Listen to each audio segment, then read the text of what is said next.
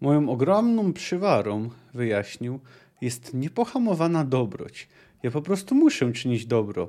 Jestem jednak rozsądnym krasnoludem i wiem, że wszystkim wyświadczyć dobra nie zdołam. Gdybym próbował być dobry dla wszystkich, dla całego świata i wszystkich zamieszkujących go istot, byłaby to kropelka pitnej wody w słonym morzu, innymi słowy, stracony wysiłek. Postanowiłem zatem czynić dobro konkretne, takie, które nie idzie na marne. Jestem dobry dla siebie i dla mego bezpośredniego otoczenia.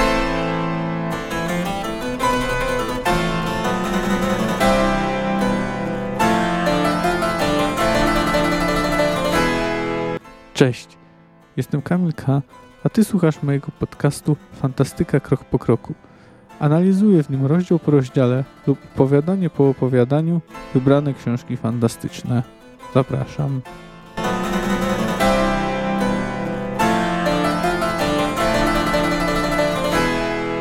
Witam Was w nieco opóźnionym y, odcinku, no ale czasami będzie się tak zdarzać, bo to jednak y, nagrywam w wolnych chwilach, no a teraz akurat byłem trochę zajęty. Mam nadzieję, że już następny odcinek będzie y, normalnie w sobotę. Dziś po raz pierwszy zetkniemy się z wesołą kompanią Zoltana Ciweja, ale ale niestety zetkniemy się też z okropnościami wojny, więc no jak ktoś jest bardzo wrażliwy, to raczej odradzam y, słuchanie tego odcinka. No ale jak ktoś jest tak wyjątkowo wrażliwy, to raczej i tak tego podcastu już nie słucha. Rozdział zaczyna się od tego, że Jaskier i Wiedźmin podróżują. Y, Geralt, Geralt y, nadaje imię swojemu koniu, który otrzymał od elfów nazywa, bo to jest klacz, nazywa ją Płotka. No tak zresztą nazywa każdego konia, y, którego miał. Każdemu nadaje to miano. Jadą przez burzę, bo nie mają się gdzie schronić, aż w końcu trafiają na hawekarów. Hawekarzy to ludzie, którzy handlują ze skojatel, i sprzedają im broń w zamian za różną zdobycz, jaką, w jaką elfy y, wpadają na przykład no, poprzez rabowanie kupców. Cieszą się oni bardzo złą sławą, bo gdy tylko jest podejrzenie, że ktoś może na nich donieść, no to nie wahają się przed morderstwem i brutalnością. Na szczęście Wiedźmina i poety Hawekar bierze ich za elfów. Y, pomaga im fakt, że ich głowy są schowane pod kapturami. Y, próbuje im coś sprzedać, Geralt wykręca się mówiąc, że nie ma pieniędzy, że dopiero jak wrócą z komandem, to wtedy będzie można handlować. Nagle pojawiają się zbrojni. Jak się okazuje, to właśnie z nim mieli się spotkać hawekarzy. Mieli im dostarczyć kogoś, kto znajduje się w trumnie, aczkolwiek jest żywy, y, i to miał, miał być taki dowcip y, przeprowadzony przez elfa zwanego y, faolitarną. Zbrojni zaczynają wyprzęgać rzeczy z wozu no i mordują hawekarów. Geralt zaczyna z nimi walczyć. Na jego nieszczęście jego noga nie jest w pełni wyleczona i odmawia mu posłuszeństwa w czasie walki. Ratuje ich Milwa. Otwierają trumnę. Znajduje się tam znany nam już y, młodzik, który mm, często, który nosił skrzydlaty hełm. Początkowo Geralt planuje zostawić go związanego, ale mm, prote Jaskier protestuje, no i więc pozostawia mu nóż, by mógł się uwolnić. I ostrzega go, że jak go jeszcze raz spotka, to go zabije. Milwa zwraca uwagę na fakt, że sytuacja jest bardzo dziwna, bo jeśli to on dostarczył Ciri cesarzowi, no to niby dlaczego jest y, przekazywany w takiej formie? Ale mówi mu, że można by go o to wypytać, ale Geralt nie chce go słuchać. Mier Milwa kieruje ich na leśne ścieżki ze względu na nadchodzącą armię Nilfgardu. I gdy docierają do jakiejś wsi, są świadkami bitwy. Wioska jest broniona przez wioska Zbruk, które są atakowane przez konnicę z Verden.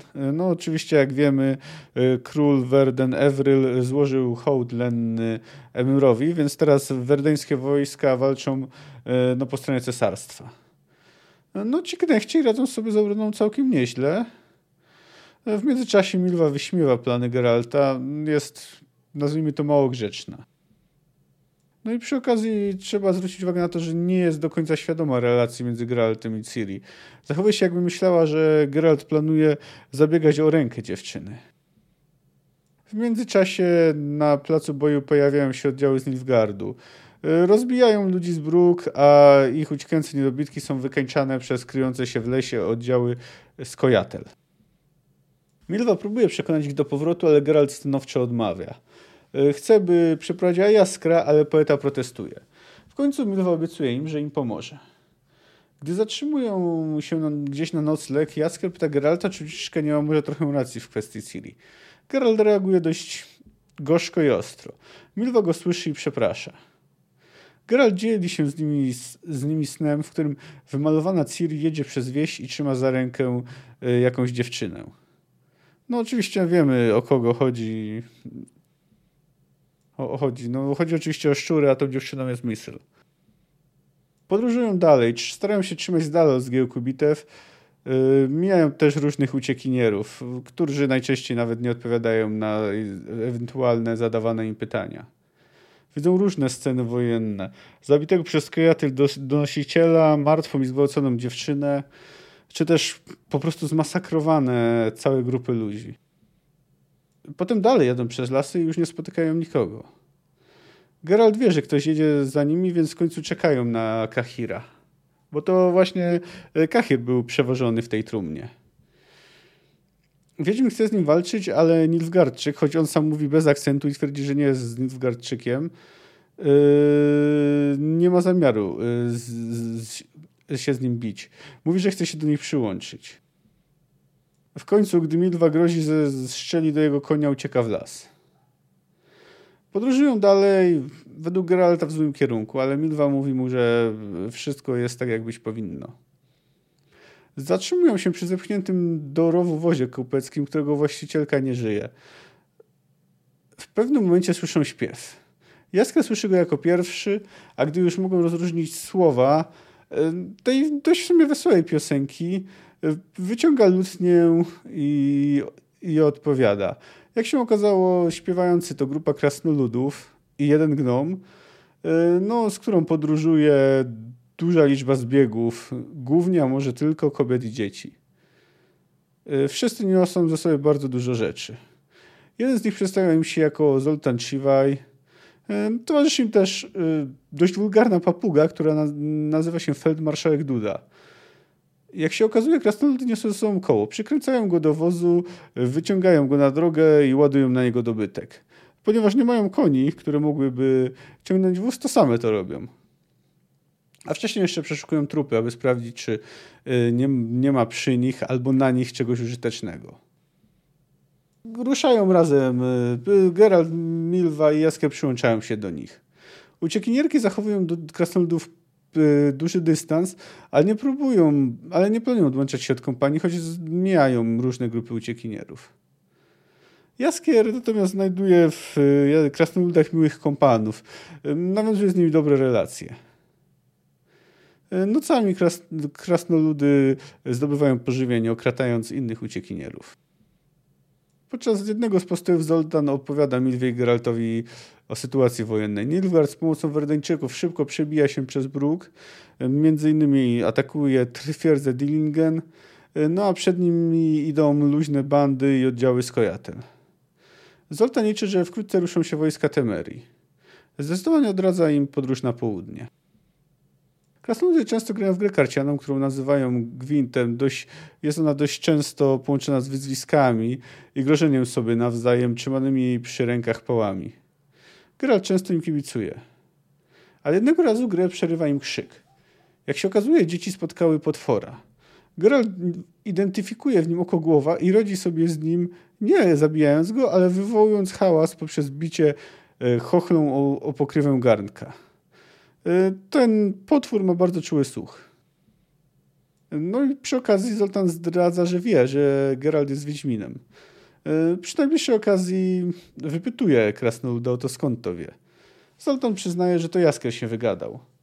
Geralt traktuje poetę dość ostro, a następnie zdradza Milwie, że śniła mu się tym razem tańcząca Ciri, ale czuje też, że krok za nią kroczy śmierć.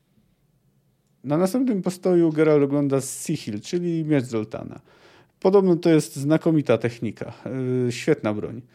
Yy, Percival Schuttenbach dość szeroko rozmawia o metalurgii i wykazuje przy tym duży entuzjazm. W każdym razie miecz Zoltana z pewnością jest lepszy niż miecz, jaki Geralt dostał w Brokilonie.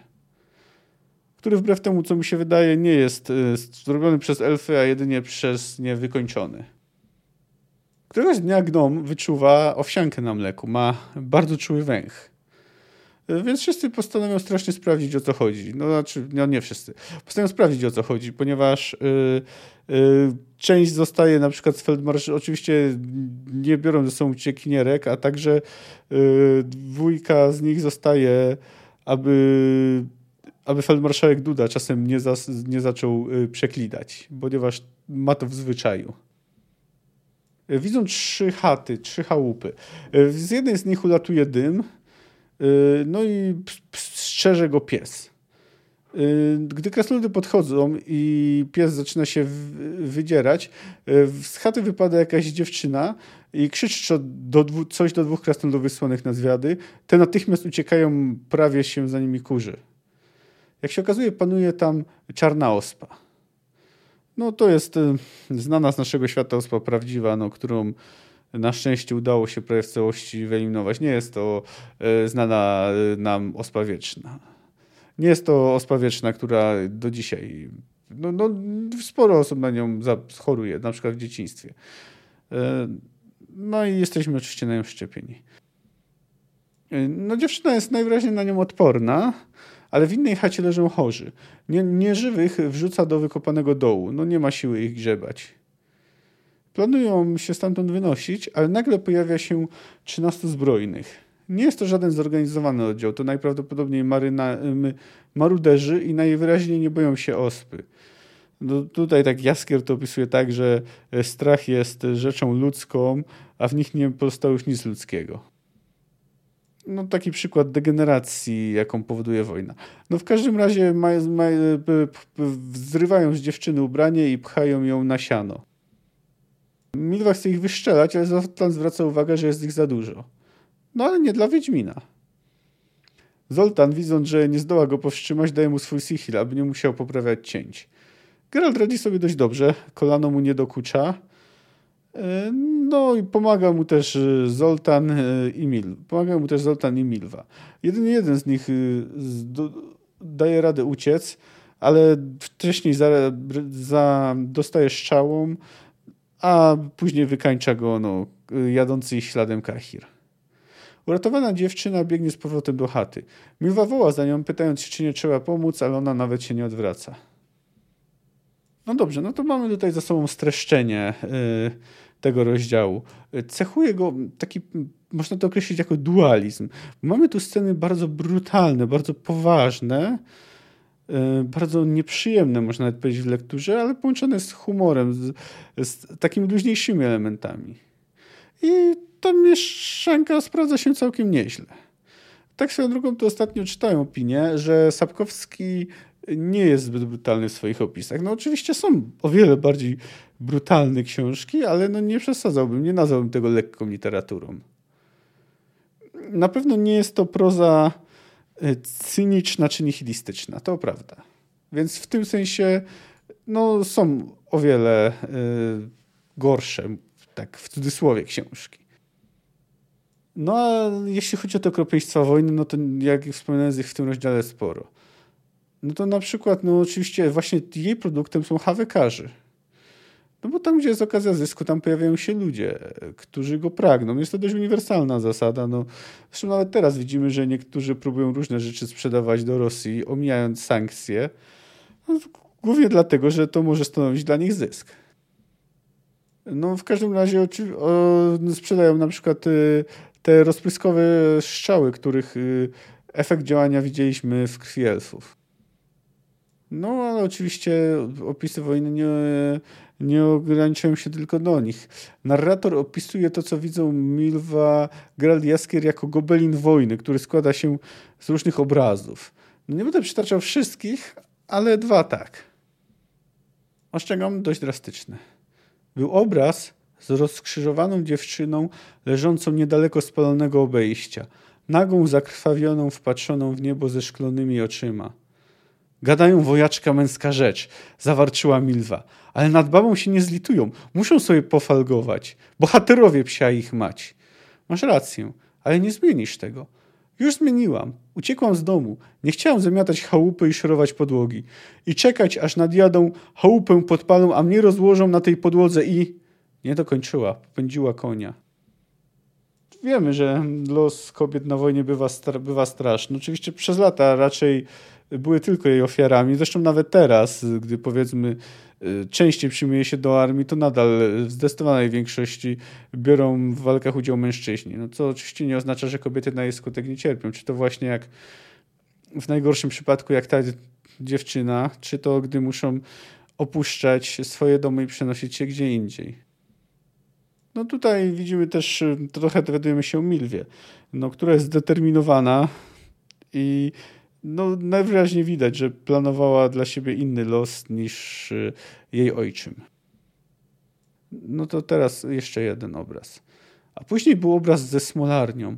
Wtedy to Jaskier wyżygał wszystko, co tego dnia zjadł. To znaczy suchar i połowę sztok fisza. W smolarni Nilfgardczycy, a może Skojatel, rozprawili się z pewną liczbą jeńców. Jaka to była liczba, nie dało się stwierdzić nawet w przybliżeniu, bo do rozprawy posłużyły nie tylko strzały, miecze i lance, ale i znaleziony w smolarni drwalski sprzęt. Siekiery, ośniki i piły rozpłatnice. Były jeszcze inne obrazy, ale Gerald, Jaskier i Milwa już ich nie zapamiętali. Wyrzucili je z pamięci. Zobojętnęli widzimy dwie rzeczy. Po pierwsze brutalność wojny i tu należy zaznaczyć, że to jest brutalność zwłaszcza ze strony Nilfgaardu, czy też yy, Skojatel. No, już kilka razy mieliśmy yy, przykłady, że są ta wojna jest trochę z, z, wzorowana na II wojnie światowej, a niektóre praktyki Nilfgaardczyków na y, sposobach wojny, jaką używała Trzecia Rzesza. No, takie masakry jeńców, to no oczywiście to nie była domena tylko e, armii nazistowskiej, ale no nie da się ukryć, że armia niemiecka dopuszczała się ich z przerażającą regularnością. No a co do tego zobojętniania na cierpienie innych, że nawet najokropniejsze rzeczy mogą stać się zwykłe, no to, to nie trzeba, to nie jest to jakoś nierealistyczne. No wystarczy przeczytać praktycznie dowolne wspomnienia więźniów obozów koncentracyjnych. No a jeszcze na chwilkę zatrzymać się przy kobietach, no to pamiętajmy, że podobny los mógł spotkać tę dziewczynę, której pomogli Wiedźmin do spółki z Milwą. No i troszeczkę z Oltanem. E, no właśnie, jak już wspomniałem, Sapkowski nie uciekał od brutalności. E, no, jest ona nieukniona przy opisie wojny, jeśli chce się powiedzmy przedstawić bardziej realistycznie, e, a nie tak może na przykład trochę jak u Tolkiena, gdzie to jest po prostu starcie armii dobrej, a armii zła. Żeby nie było. Ja tutaj nie nie krytykuję, ale to jest trochę jednak, chociaż to też oczywiście jest fantastyka, ale jednak trochę inaczej pisana. Po prostu Tolkien po prostu mm, prawie nie ma skutków dla ludności cywilnej. Przynajmniej jeśli chodzi o sam przebieg walk, no bo w końcu ten później powrót e, hobbitów do Shire e, wygląda jak wygląda, e, że, że, że Shire wygląda jak wygląda, to właśnie jest efekt wojny.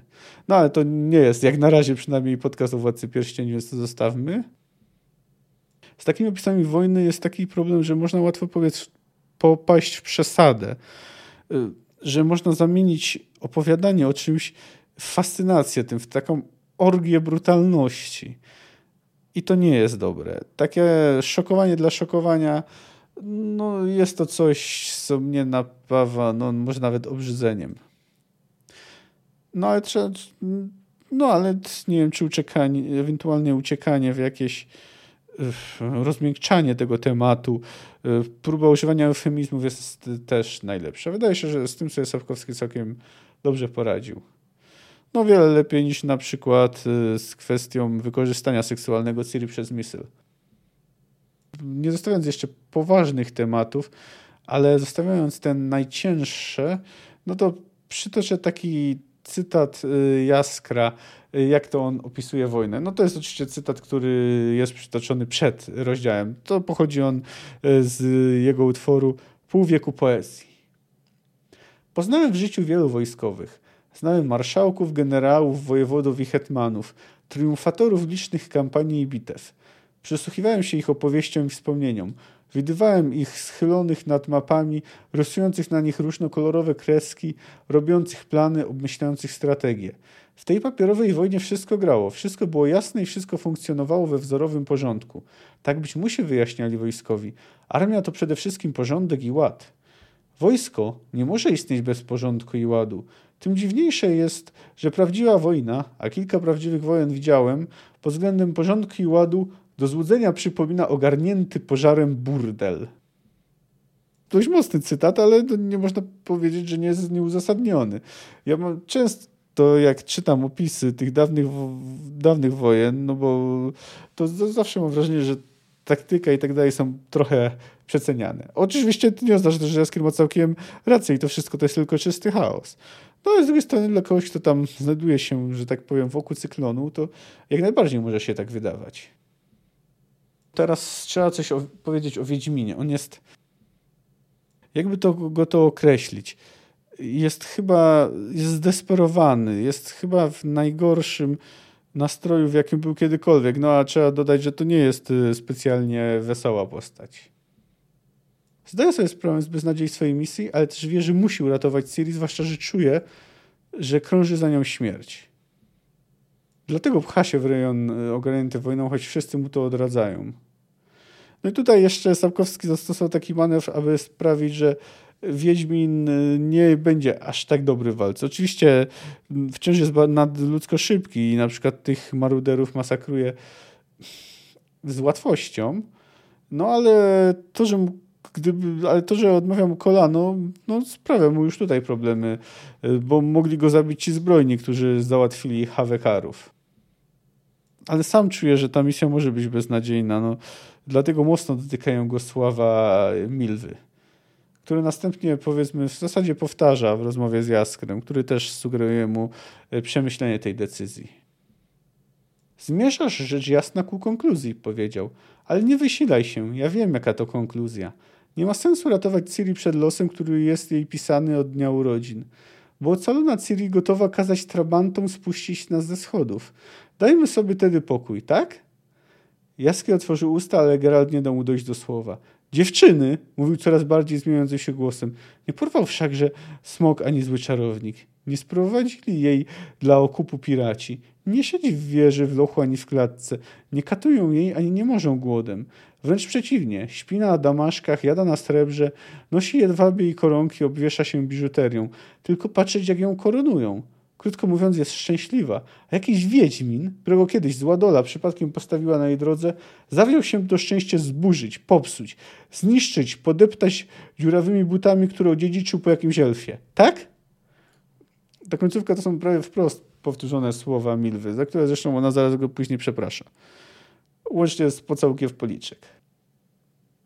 No ale właśnie wspominają o tych snach, o tym, że Geralt wie, a przynajmniej mocno podejrzewa, że Ciri nie ma w Nilfgaardzie. Więc może powtórzę, więc tutaj znowu przytoczę, ale to są chyba na tyle istotne cytaty, że jednak warto je y, przypomnieć. Ciri podjął po chwili, nie śpi w pałacu pod brokatowym baldachimem. Jedzie konno przez jakąś zakurzoną wieś. Wieśniacy pokazują ją palcami. Nazywają ją imieniem, którego nie znam. Psy ujadają. Ona nie jest sama. Są tam inni. Jest krótko ostrzyżona dziewczyna. Ta trzyma Ciri za rękę. Ciri uśmiecha się do niej. Nie podoba mi się ten uśmiech. Nie podoba mi się jej ostry makijaż. A najmniej podoba mi się to, że jej trupem podąża że jej tropem podąża śmierć. Gdzież wtedy dziewczyna jest? Zamruczała Milwa, przytulając się do niego jak kot. Nie w Nilfgardzie? Nie wiem, powiedział z trudem. Ale ten sam sen śniłem kilkakrotnie. Problem polega na tym, że ja nie wierzę w takie sny. Głupiś tedy, ja wierzę. Nie wiem, powtórzył, ale czuję. Przed nią jest ogień, a za nią śmierć. Muszę się śpieszyć.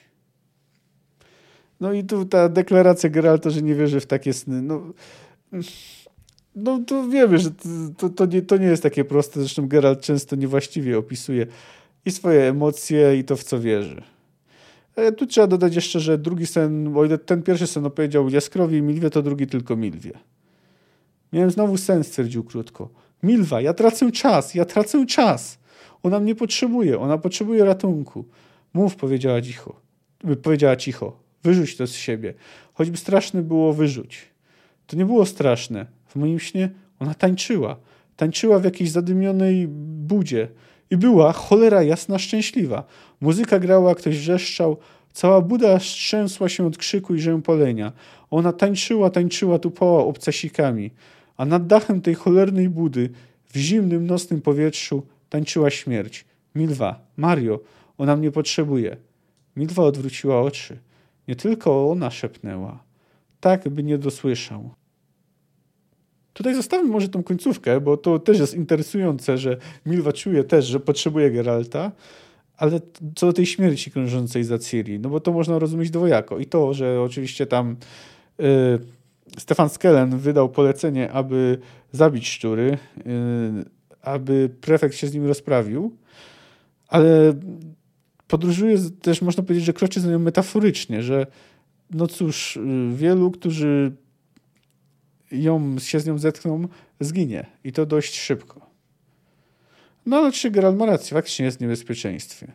No Wiedźmin także bardzo przywykł do swojej samotności i dlatego twierdzi, że nikogo nie potrzebuje. No nie trudno wykazać, że to nieprawda, bo gdyby nie Milwa, to źle skończyłoby się dla niego spotkanie z Nilfgaardczykami. No dobrze, a tu jeszcze jest ta jego jedna motywacja. Dlaczego Geralt się wtrącił, dlaczego uratował tą dziewczynę, którą go zostaje zgwałcona? No oczywiście, można powiedzieć, no bo to było moralnie słuszne. Ale wiemy już nawet, y, bo opowiada o tym Joli w y, Mieczu Przeznaczenia, a konkretnie w którejś części głos, w Głosie Rozsądku, mm, no to Joli swoją pierwszą historię, że stara się raczej nie pchać w, w takie sytuacje. A tu zainterweniował. I tu jeszcze mamy na końcu, że ta dziewczyna mu przypomina Ciri. W pierwszej chwili, bo potem nie. Zresztą pyta się nawet Mordora, którego atakuje, czy mówi mu cokolwiek imię Ciri. Widać, że to trochę tak jakby mścił się za krzywdy, jakie jej yy, wyrządzono. No co do Milwy, to raczej możemy stwierdzić, że z pewnością jest atrakcyjna. Jaskier opisuje to w szczegółach. W każdym razie porównuje ją do Łani. No a nie znam motywacji Milwy. Ta, którą podaje, wydaje się nie w pełni prawdziwa. Do diabła warknęła. Za długo i za często elfów od zguby ratowałam. Nie jak mi teraz patrzeć, jak ktoś ginie. Przeprowadzę was do Jarugi szalone pałki, ale nie południowym, jeno wschodnim szlakiem. No, ale skoro sama stwierdzi, że go potrzebuje, to widać, że jednak jej motywacja jest bardziej złożona. No i swoją drogą tu się powtarza to, y, że jest wciąż zauroczona Geraltem, ale cieszę się, że ten wątek jednak nie doprowadził do romansu, bo e, no jednak nie każda atrakcyjna kobieta musi wchodzić Wiedźminowi do łóżka. Zresztą wskazywałem, że akurat e, w tej kwestii to Sapkowski trochę przesadził. Chociaż też nie ma co go demonizować. No, Geralt nie jest znowu jakimś tam e, playboyem, który każdą noc spędza z inną kobietą. No teraz wypada parę słów poświęcić Zoltanowi i jego kompanii. No, oczywiście oni zostali tu wprowadzeni z, przede wszystkim, na, no może nie przede wszystkim, ale także ze względu na to, żeby mm, być, spełniać taką rolę komiczną, trochę rozluźnić atmosferę. No, zresztą sprawdzają się w tej roli, no ale przecież nie tylko, bo jakby nie patrzeć, to są dość skomplikowanymi postaciami. W oczywisty sposób pomagają grupy składające się z uciekinierek, kobiet i dzieci. No a to ich naraża na niebezpieczeństwo, bo same krasnoludy podróżowałyby dużo szybciej. No a wiedzą, że y, nadchodzi Nilfgaard. No ale też nie mają oporów przed y, szabrowaniem, okradaniem wzroku, a także nad okradaniem innych uciekinierów. Zoltan to zresztą yy, uzasadnia w rozmowie z Geraltem cy, cy, yy, w sposób, jaki zastanawiam na początku. No, generalnie, że no, nie ma sensu, nie da się uratować całego świata, więc należy pomagać tym, którzy są blisko. No, a naturę Zoltana chyba też dobrze oddaje inny cytat. E, no to, to dotyczy tej sytuacji z tą dziewczyną, którą Gerald uratował od gwałtu. Dziewczyna z warkoczami niosła się na czworaki, potem stanęła na nogach. Zachwiała się. Rozdygotanymi dłońmi bezskutecznie starała się poprawić na sobie resztki podartego giezła. Wiedźmin doznał zdziwienia, widząc że w ogóle w niczym, absolutnie w niczym nie jest podobna do Ciri, a jeszcze przed momentem przysiągłby, że wygląda jak jej bliźniacza siostra. Dziewczyna nieskoordynowanym ruchem potarła twarz, chwiejnie ruszyła w stronę chałupy, nie omijając kałuży. Hej, zaczekaj! zawołała Milwa. Hej ty, może ci w czymś dopomóc? Hej! Dziewczyna nawet nie spojrzała w jej stronę. Na progu potknęła się omal nie upadając. Przytrzymała ościeżnicy. i zatrzasnęła za sobą drzwi. Wdzięczność ludzka nie zna granic, powiedział krasnolud. Milwa obróciła się jak sprężyna, twarz jej stężała. Za co ona ma być wdzięczna? Właśnie, dodał Wiedźmin. Za co? Za maruderskie konie. Zoltan nie spuścił oczu. Ubije na mięso, nie będzie musiała ubijać krowy. Na osprem widać odporna, a teraz i głód jej niestraszny. Przeżyje. A to, że dzięki tobie ominęła je dłuższa, dłuższa zabawa i ogień z tych chałup, zrozumie dopiero za parę dni, gdy zbierze myśli. Chodźmy stąd, nim zawieje nas morowe powietrze. Hej, Wiedźminie, a ty dokąd? Po wyrazy wdzięczności? Po buty, powiedział zimno Geralt, schylając się nad długowłosym maruderem, wybałuszającym w niebo martwe oczy. Wygląda, że te będą na mnie w sam raz. No jak widać, Geralt też zaczął zdzierać rzeczy z trupów, z trupów widząc, że robią to krasnoludy, pozbył się, można powiedzieć, skrupułów. No inna sprawa, że no, prawdą jest, że trupom by się już, że trupowi by się te buty już nie przydały. Zwłaszcza, że no powiedzmy i tak służyły niezbyt dobrej osobie. No a co do krasnoludu, co do Zoltana, no to widzimy, że jest e, inteligentny, zmyślny, no chociaż trudno byłoby go nazwać postacią jednocześnie dobrą. No jeszcze dowiadujemy się trochę o samych krasnoludach. E, otóż noszą one przechodzące z ojca na syna e, wodoodporne płaszcze. E, dowiadujemy się, że osiągają dojrzałość, gdy ich brody sięgają do pasa, a zazwyczaj dzieje się to około 55 roku życia. No, skoro osiągają dojrzałość w wieku 55 lat, to można przyjąć, że generalnie żyją dłużej niż ludzie. No, a jeśli jeszcze jesteśmy przy tych poważniejszych tematach, no to jak chodzi o przebieg wojny, to nie znamy szczegółów. Wiemy, że Nilfgaard y, dość szybko się posuwa, zwłaszcza z pomocą Werdeńczyków. Y, no i no inną sprawą, że nie wiem, jaki jest y, jakość i morale wojsk z Werden. Jeśli by uznać ten opis tej bitwy o wioskę za jakąś wskazówkę, a wydaje się, że można, no to są one na nie najwyższym poziomie. No i tak, ten jeszcze za dość nieprzyjemną ciekawostkę y, można uznać fakt, że wóz, który krasnoludy y, przejęły, należał do Wery Lovenhaupt. Y, no to jest kobieta trudniąca się kupiestwem, no, którą, która pojawiła się podczas dyskusji o jaskowej balladzie na początku Krwi Elfów. No nie jest to pierwsza osoba tam obecna, która zginęła, bo na Tanet y, zginął czarodziej Radcliffe. No, jeszcze takich, może już nie takich bardzo poważnych spraw, ale no też ciekawych. To krasnoludy twierdzą, że najlepsza broń pochodzi od nich. Z Mahakamu jest wykuwana w ich kuźniach. Y, no i tutaj ta nowoczesna technologia, jest tam stosowana, wprawia w zachwyt zwłaszcza gnoma Percivala Schuttenbacha. No to imię w oczywisty sposób nawiązuje do jednego z rycerzy Okrągłego Stołu który mówi, wykazuje Geraltowi, że jego miecz wcale nie został zrobiony przez elfów. To znaczy, przynajmniej nie jeśli chodzi o powiedzmy bazę, o tą główną część, tylko wykończenie jest, e, wykończenie różne elementy ozdobne są elfie. Mm, generalnie tu trochę wygląda tak, jakby świat zbliżał się, stawał na krawędzi e, rewolucji przemysłowej, że już niedługo e, jakby technika stanie się najważniejsza od magii. No, to teraz zamknijmy może e, te poważne tematy i przejdźmy do tych takich luźniejszych. E, no, w, w tym rozdziale jest opisana gra w Gwinta. No, każdy, kto grał w Wiedźmina 3 no, albo może nawet w tą wersję e, Gwinta jakby standalone, e, to znaczy osobną grę, no to, to oczywiście ją kojarzy, ale no ma ona dość bardzo niewielki związek z tym, jak jest jak wygląda gra w książce. Ponieważ gra w książce, tam gra się parami, czyli no nie wiem, trochę jak na przykład w brydżu, i tak występuje, i występuje tam licytacja, no czyli też trochę jak w brydżu, chociaż no powiedzenie, że ta gra gwid jest podobny do brydża byłoby dalekim nadużyciem. W każdym razie no, taką ciekawym faktem jest to, że y, generalnie te karty zrobione przez y, krasnoludy są bardzo piękne, dopracowane, zupełnie inaczej niż jest y, w przypadku y, kart, których posługują się ludzcy gracze. No na przykład y, taki fragment o tym, jakimi o ludzkich kartach. E, króciutki cytat.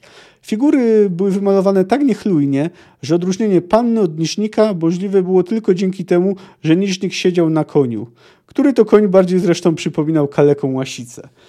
No, u krasnoludów jest zupełnie inaczej. No ale dobrze, ale jak w ogóle wygląda ta gra w Gwinta? No to tutaj przytoczę no niedługi, ale ciekawy i dowcipny cytat. Myślę, że warto. W ogóle teraz padnie tak już sporo cytatów. No ale nie sądzę, żeby to wam jakoś przeszkodziło. Mam nadzieję. Podstawową zasadą krasnoludzkiego gwinta było coś przypominającego licytację na targu końskim. Tak in intensywnością, jak i natężeniem głosu licytujących. Następnie para zgłaszająca najwyższą cenę starała się zdobyć jak najwięcej wziątek, czemu druga para na wszelkie sposoby przeszkadzała.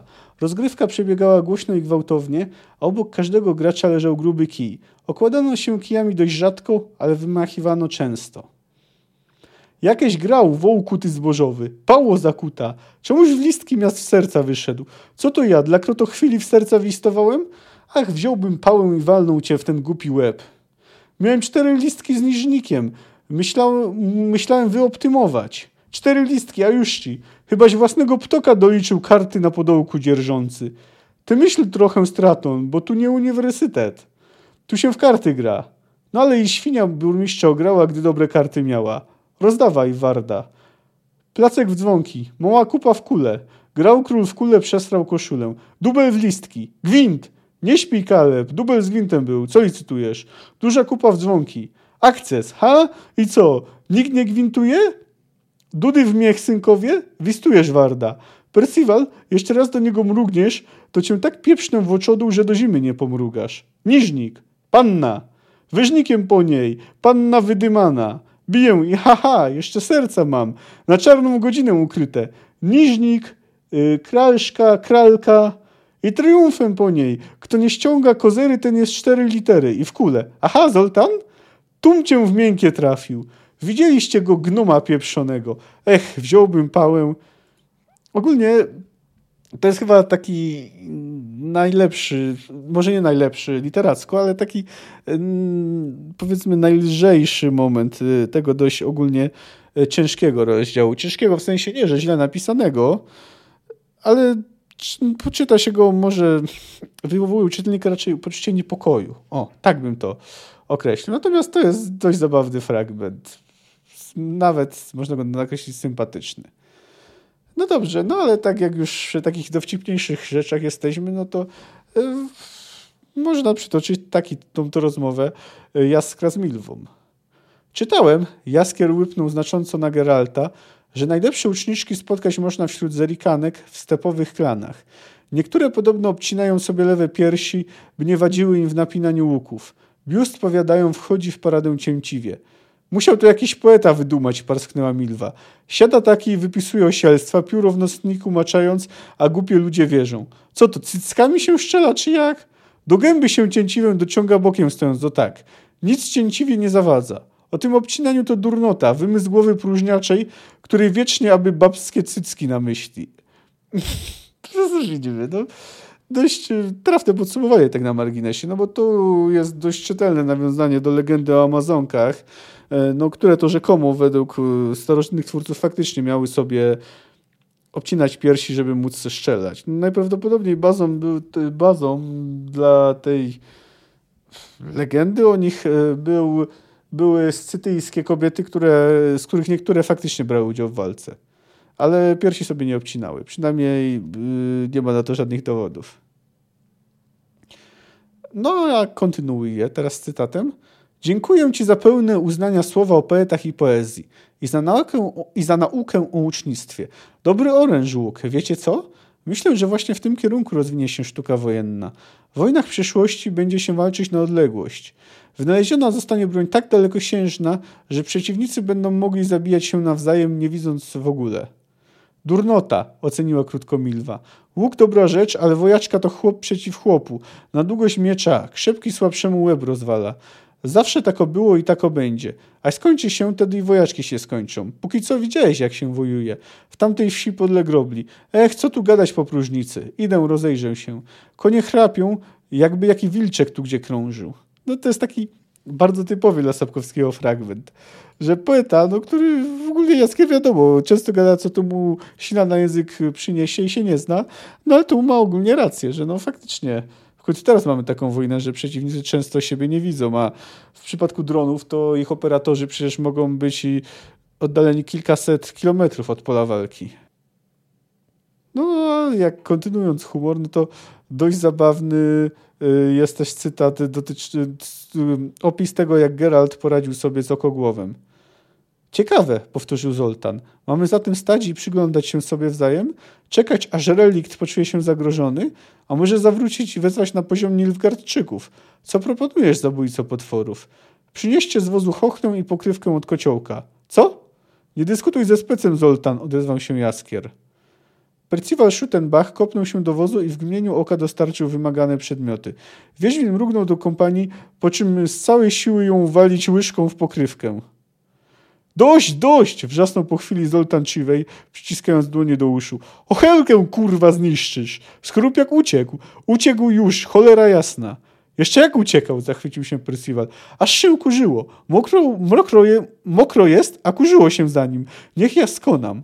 Okogłów, wyjaśnił chłodno Geralt, oddając krasnoludom lekko pogięte, kuchenne utensylia, ma niezwykle czuły i wrażliwy słuch. Nie ma uszu, ale słyszy, że się tak wyrażę całym sobą. W szczególności metalicznych dźwięków nie jest w stanie znieść. Doznaje bólu nawet w życiu, przerwał Zoltan. Wiem, bo ja też doznałem, gdy zacząłeś tuc w pokrywkę. Jeśli monstrum ma słuch czulszy niż ja, współczuję mu. Nie wróci on tu, aby? Nie przyprowadzi kolegów? Nie sądzę, by na świecie pozostało wielu jego kolegów. Sam Okogłów też, też z pewnością nieprędko wróci w te strony. Nie ma się czego lękać. O, o potworach dyskutował nie będę. Zasępił się krasnolud. Ale twój koncert na instrumenty blaszane słychać było pewnie aż na wyspach Skellige. Nie, wykluczał, nie wykluczałbym, że jacyś miłośnicy muzyki już ciągną w te strony. Lepiej by nas tu nie zastali, gdy nadciągną. Zwijamy obóz, chłopcy. Hej, niewiasto, dziewać się i przejrzeć dzieci. Wymarsz, żywo. No trzeba przyznać, że pokonywanie potworów za pomocą chochli i pokrywki jest dość zabawne. No mamy tu też taki humor, można powiedzieć, wynikający z niezrozumienia. To znaczy, że czy to Jaskier, czy Geralt to są oczytani, a Milwa, która nie jest głupia, no ale jest, można powiedzieć, trochę... Mm, no nie zna, powiedzmy, tego bardziej skomplikowanego języka, no bo jest raczej prostą dziewczyną, no, która większość życia spędziła w lasach. Yy, no, to, to chodzi czasami do takich zabawnych nieporozumień. Starzeję się, mruknął po jakimś czasie, gdy płotka zrównała się z karoszem Milwy. Zaczynam miewać skrupuły. Ano, zdarza się u starych. Łuczniczka spojrzała na niego ze współczuciem. Odwar, odwar z miodunki pomaga na to, a na, tak, a na razie kładź sobie poduszeczkę na siodło. Skrupuły, wyjaśnił poważnie Jaskier, to nie to samo co hemoroidy, Milwa. Mylisz pojęcia. A kto by tam pojął wasze mądre gadanie? Ustawicznie gadacie, to jedno umiecie. Dalej, w drogę. No i tak swoją drogą, jak jeszcze tam dalej jest, to Milwa deklaruje, że nie zabiłaby konia. Generalnie Milwa widać wyraźnie, że nie lubi zabijać koni, bo ma rację, gdy stwierdza, że nie są niczemu winne. No już taki ostatni cytat opisujący spotkanie yy, Milwy, Jaskra i Geralta z krasnoludami. Yy, są tu piosenki, ale nie będę śpiewał, ponieważ yy, nie mam zbyt dużych umiejętności wokalnych. Deszcz szumiał w listowiu.